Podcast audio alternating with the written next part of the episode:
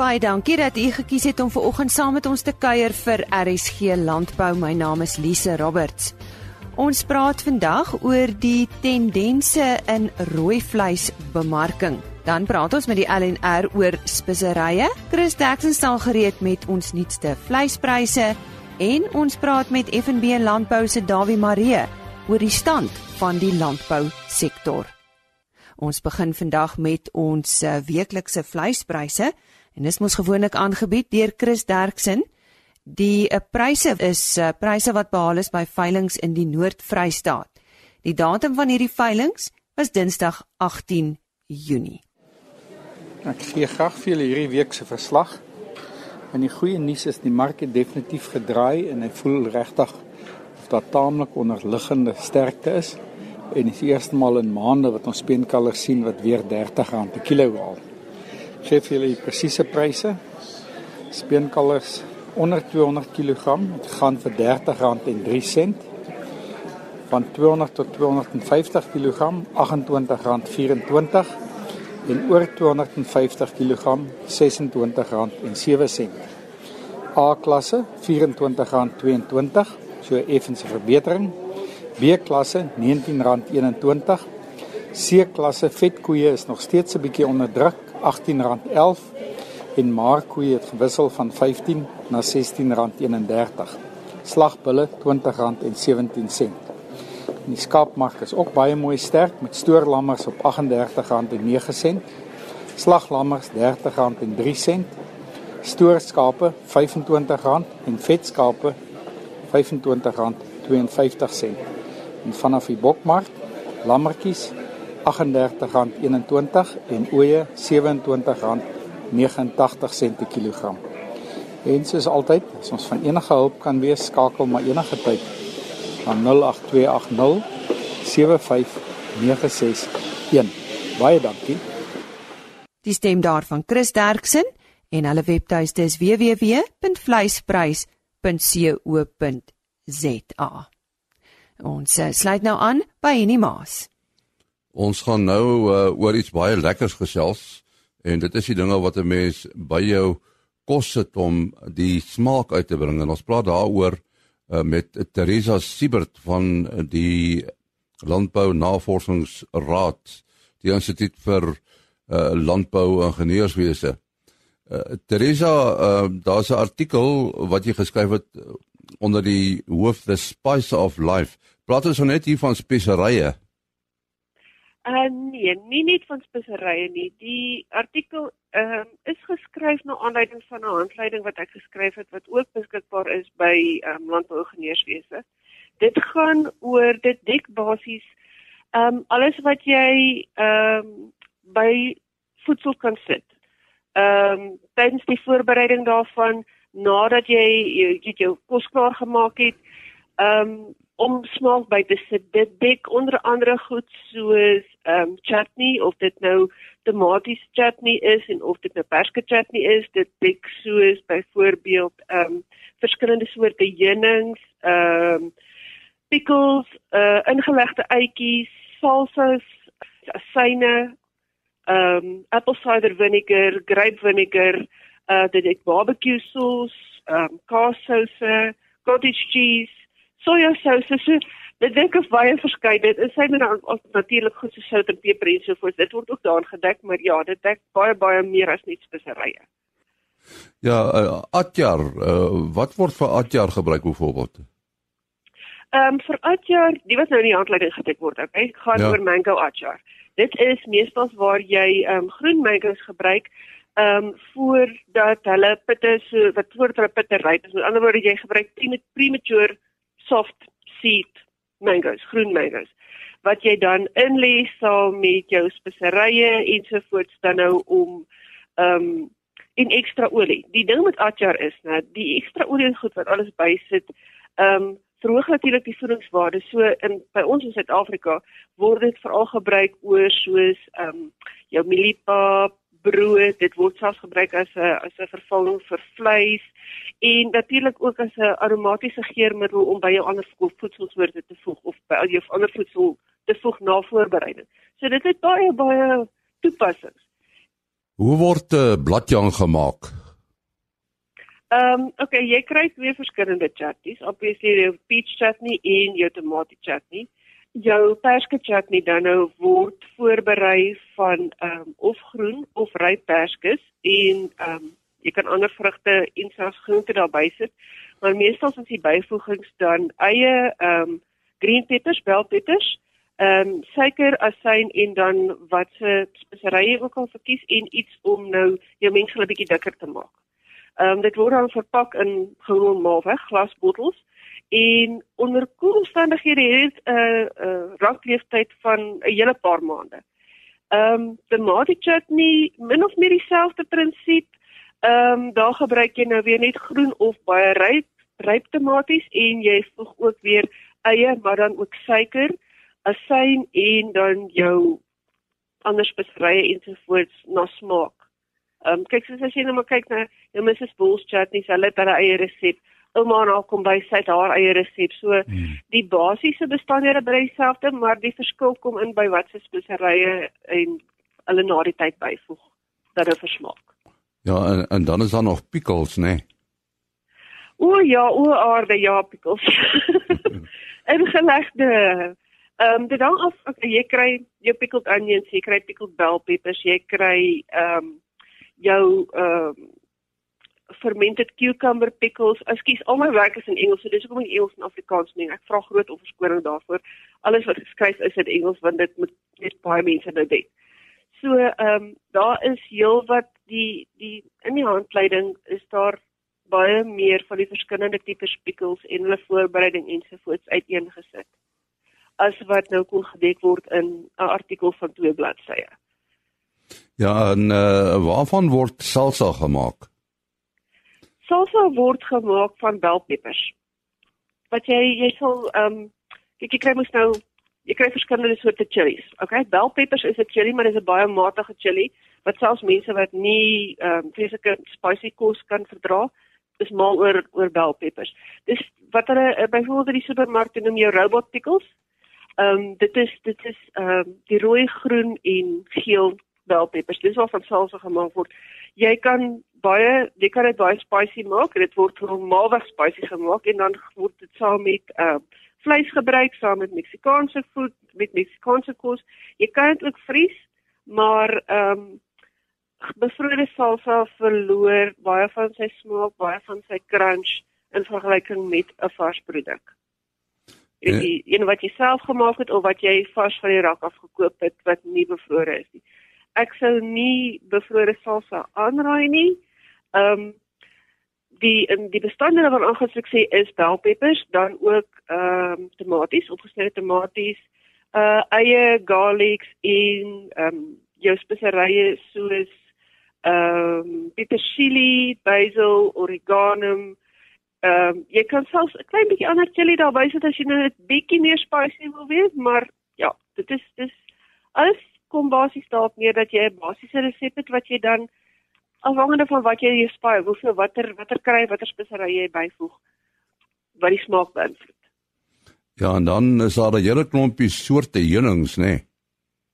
O ja, nee, dit is dit is jy begin ehm um, genade as ek moet dink, daar is o aarde seker 12 of 15 verskillende soorte heunings wat ek oor ehm um, geskryf het in die handleiding. Weereens dit is nie iets wat 'n mens kan kan in 'n in 'n artikel uh dek alles nie.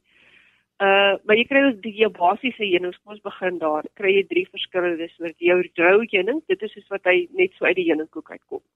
Um hy bevat nog bietjie styfmeel, hy bevat dalk selfs 'n bietjie van die bye was, van die bye korf.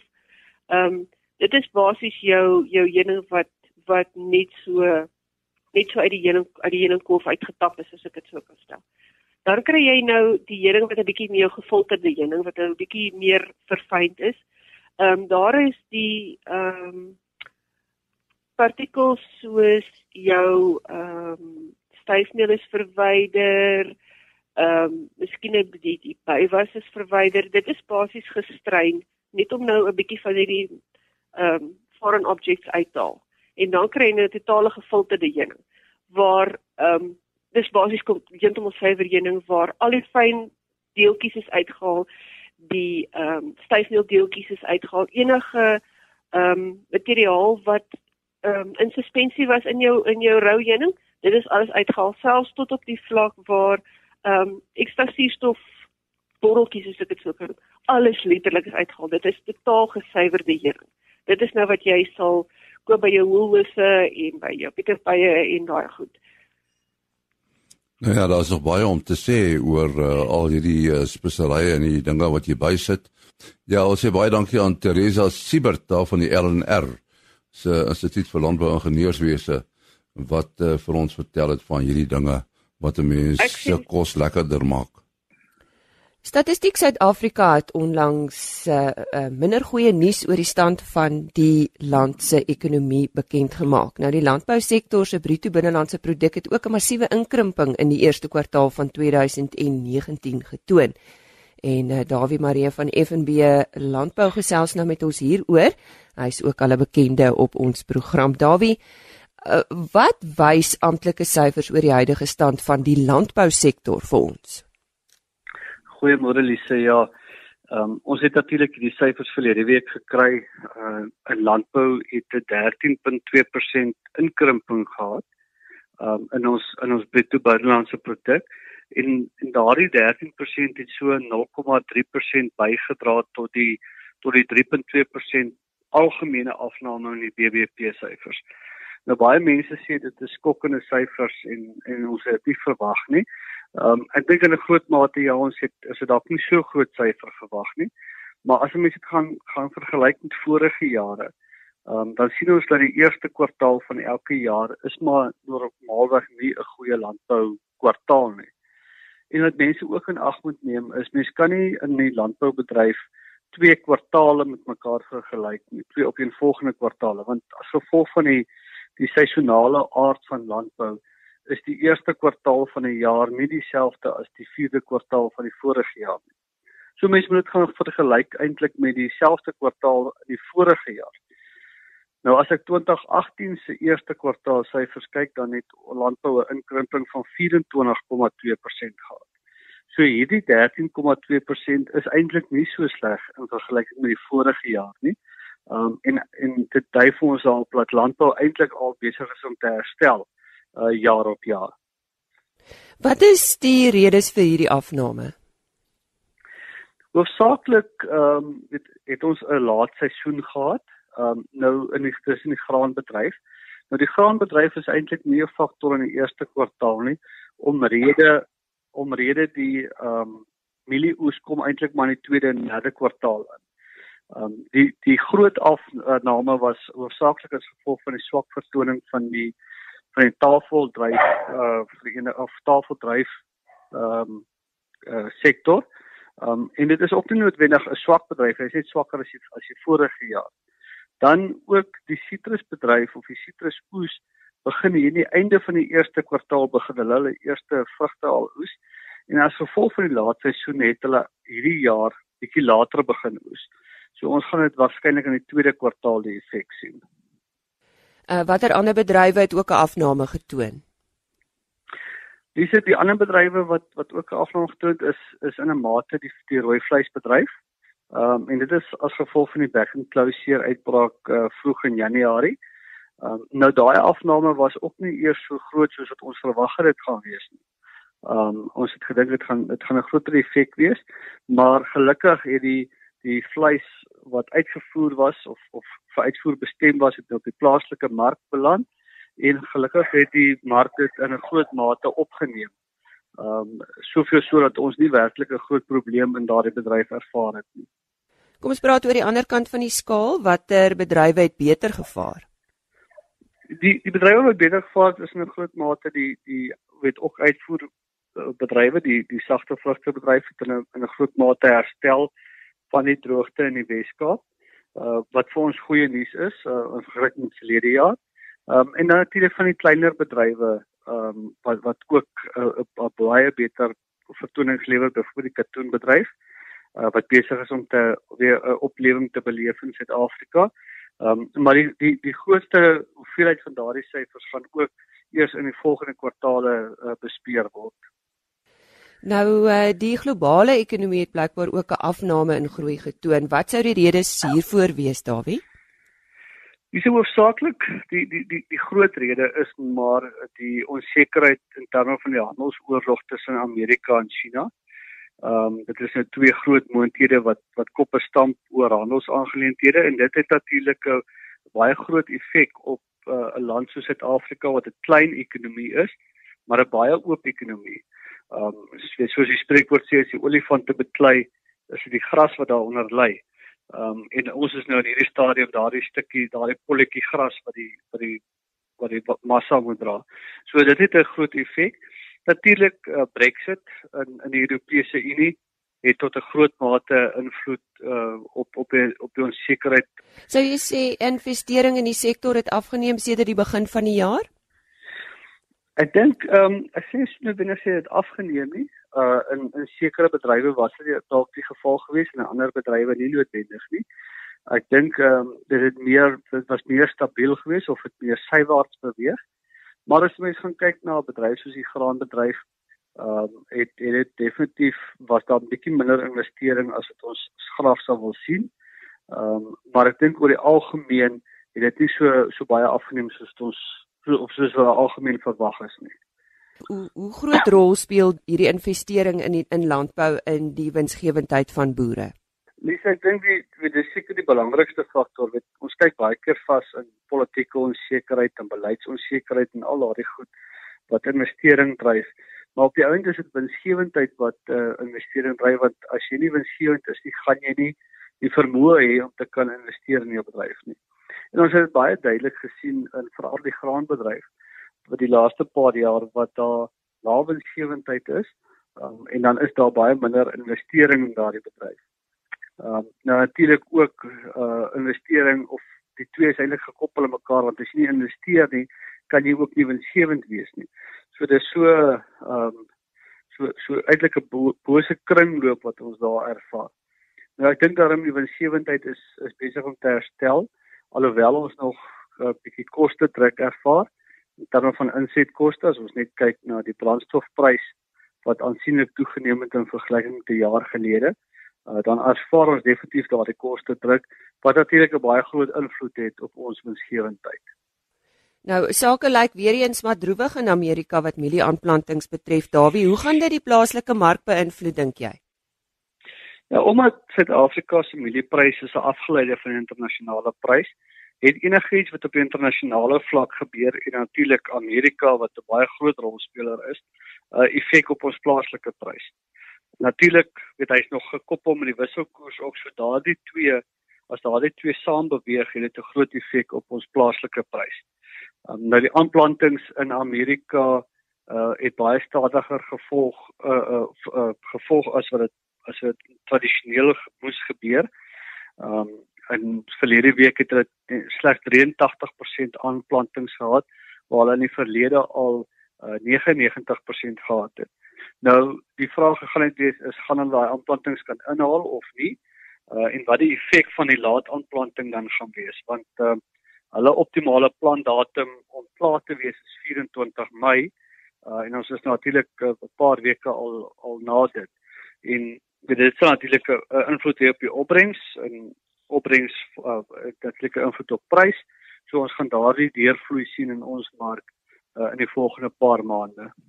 Kom ons fokus op die res van die jaar. Watter uh, faktore gaan 'n rol speel in ekonomiese groei van die bedryf?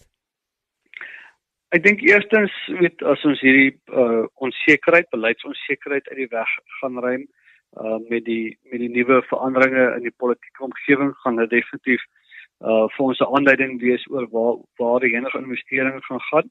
Maar ek dink baie meer belangrik is die die die situasie van die verbruiker. Uh ons verbruiker is onder druk in terme van hulle besteedbare inkomste. Um en natuurlik weet ons is gelukkig in die bedryf dat ons die voedsel produseer wat verbruikers moet eet, so ons gaan ten minste altyd 'n produk kan verkoop. Um maar nou die die probleem is net jy moet in die regte mark wees. Uh want die vraag is gaan verbruikers weer terugbeweeg na stapelvoedsels en weg van proteïene af Ehm um, en en wat daai veranderde verbruikspatrone gaan wees. So ek dink die die situasie vir die verbruiker is baie belangrik en natuurlik die die algemene ekonomiese omgewing in terme van ehm um, weet wat die invloed daarvan op ons wisselkoers gaan wees want die wisselkoers is 'n 'n baie belangrike veranderlike in die in die landbouomgewing. Om jy af te sluit, uh, die nuut aangestelde minister van landbou, dink jy uh, sy kan enige veranderinge in die sektor meebring? Dis ja, ek is ek is versigtig optimisties. Um die nuwe minister is eintlik 'n ou hand in die landbousektor. Uh, minister De Diza was betrokke geweest by die opstel van die van die landbouplan uh, in 2001 geweest. Um en dit is 'n baie goeie plan wat ek dink nog steeds geïmplementeer kan word. Natuurlik toe sy voorheen die minister was, was die twee departemente van landbou en grondhervorming natuurlik een departement geweest en dit is nou weer die geval met die met die verkleining van die kabinet. Uh so sy sy is definitief um weet sy het die vermoë om dit te kan doen. Sy sy weet wat daar aangaan. Um en ek dink sy het oor die algemeen die ondersteuning van die landbousektor in terme van georganiseerde landbou ehm um, en natuurlik ook uit uit die finansiële sektor uit. Die minister is ook op die op daardie komitee wat die hersiening van die grondwet moet behartig. Uh, so sy definitief die kennis van wat aangaan in landbou. Ehm um, en ek is regtig uh, versigtig optimisties oor die toekoms wat sy vir die vir die departement kan kan uitkerf. Nou sê baie dankie aan Dawie Maria het met ons gesels oor uh, die globale ekonomie maar oor spesifiek die stand van die landbousektor in Suid-Afrika. Die bemarking van rooi vleis is stadig maar seker besig om 'n nuwe baadjie aan te trek en produsente het geen keuse as om eh, betrokke te raak by die nuwe denkrigting nie. Nou Lou van Reenen, hoofuitvoerende bestuurder van die Beefmaster groep, is baie betrokke by bemarking van rooi vleis en het tydens die onlangse Noord-Kaap RPO kongres met boere gesels oor die toekoms van die rooi vleisindustrie. Koos Pisani het by hom gaan uitvind oor die nuwe tendense in rooi vleisbemarking. Die bemarkingsdeel van die rooi vleisbedryf staan reeds midde in 'n nuwe denkwyse. Lou van Reenen, hoofuitvoerende bestuurder van die Beefmaster groep, het tydens die RPO Noord-Kaap Kongres met boere gesels oor nuwe tendense in die bemarking van rooi vleis. Ek gesels vandag met hom oor wat boere kan verwag oor die volgende 15 of 20 jaar in hierdie bedryf. Hallo, hoe is die bemarkingsarm van die rooi vleisbedryf besig om te verander en wat kan ons verwag oor die volgende 15 na 20 jaar? Ja, ek dink die verandering wat besig is om plaas te vind is dat uh, daar meer gefokus word oor waar die produk vandaan kom en natuurlik dat jy reg deur die waardeketting die produk moet bemark en veilig na die verbruiker toe uh, deurgee. En ek dink daar's 'n baie groot fokus heidaglik op beesvleis om in 'n wêreldmark te voorsien en om meer beesvleis uit te voer. En dan dink ek tot 'n mindere mate is daar ander faktore wat ook die bemarking beïnvloed. Uh daar's ontwikkeling byvoorbeeld in laboratoriums om vleis te groei alhoewel hulle nog sukkel met um om dieselfde produk te kan lewer smaakgewys en dit is natuurlik nog te duur. In jou praatjie het jy ook uh, verwys na raseienskappe wat bemark moet word. Nou, is dit 'n verantwoordelikheid wat die teelers na aan moet aandag gee of is dit eerder 'n ver verantwoordelikheid van rasgenootskappe dat hulle daaraan moet aandag begin gee? Bemarking kos geld. So die enigste maklike antwoord vir dit is is dat wie bereid is om die geld te kan gee om dit te kan bemark, gaan betrokke moet raak. Uh, ek dink dit sal tientreen meer na die teelers se kant toe val en hulle sal saam met die rasgenootskappe uh, meer en meer moet doen om hulle produkte kan bemark. Iets wat my ook opval is dat mense hoor al hoe meer van bemarkers en navorsers wat praat van boere wat hulle self moet bemark, wat hulle produk moet bemark. Dink jy dit is net 'n gier wat gekom het of dink jy dit is iets wat uh, besig is om gevestig te raak en gekom het om te bly? Ja, ons besigheid is 'n is 'n landboubesigheid. Ons is boere. En die enigste manier hoe ons meer kan kry van ons produk om winsgewend te kan bly is om dit self te bemark. So ons doen selfbemarking oor see. Ons doen lokaal in Suid-Afrika ook bemarking en ons bemark ons produk en uh, probeer by die eindverbruiker uitkom dat ons kan weet wat hulle moet ehm um, wat hulle mee tevrede is. So my voorstel is ja, dit is definitief hier om te bly en boere moet daarbey betrokke raak. Dink jy dit is 'n kwessie dat dat almal moet begin hande vat of is dit 'n geval van elke man vir homself? Nee, ek dink die hele waardeketting moet uh, moet hande vat. En wat ek bedoel met hande vat is dat die boer kan self sy produk na besighede soos ons in 'n toeneem dit self op 'n uh, eh, op 'n kontrakbasis kan ons dit uh, voer en verwerk en hulle moet betrokke raak by die hele waardeketting. Jou kommersiële boer, dit voel baie keer vir my, ek ek kom mag verkeerd wees, maar dit voel vir my dat jou stoetboer is is, is meer is meer gerig op op op hierdie tipe van dinge. Dink jy ons ons kommersiële boere is ook gerad vir sulke aksies om ten opsigte van bemarking? Ja, ek dink tot 'n mate so, maar hulle doen dit uh, op hierdie stadium meestal deur uh organisasies. So die organisasies wat na ons toe kom, 'n uh, verteenwoordige kommersiële boer of dalk 'n landboubesigheid wat na ons toe kom en ek dink daar's van die boere, kommersiële boere wat dit self kan doen. En uh, dit word nog nie op groot skaal gedoen nie, maar dit is hier om te bly. Dit was Lou van Renen wat bietjie met die boere gesels het en hulle koppe bietjie weier oopgemaak het uh in die Noord-Kaap. Dis Koos de Pisani vir RC Landbou in Kimberley. Koos de Pisani wat gesels het met Lou van Renen. Hy is die hoofuitvoerende bestuurder van die Beefmaster groep. Nou ja, dit is dan ook die einde van hierdie week. Onthou RC Landbou môreoggend om kwart voor 5 vanaf Elsenburg in die Wes-Kaap en uh, ek kuier weer maandagooggend om 05:30 saam met u.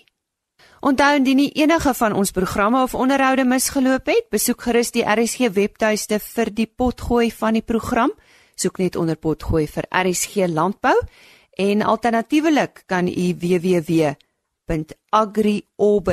www.agriorbit.com raadpleeg vir die potgooi van die onderhoud. Die onderhoude word daar apart gelaai. Dit is www.agriorbit.com Bo aan die bladsy klik net op radio en video en dan sal u RSC landbou daar sien.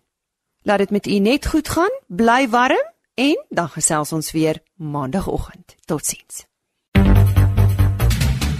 RSC landbou is 'n produksie van Plaas Media.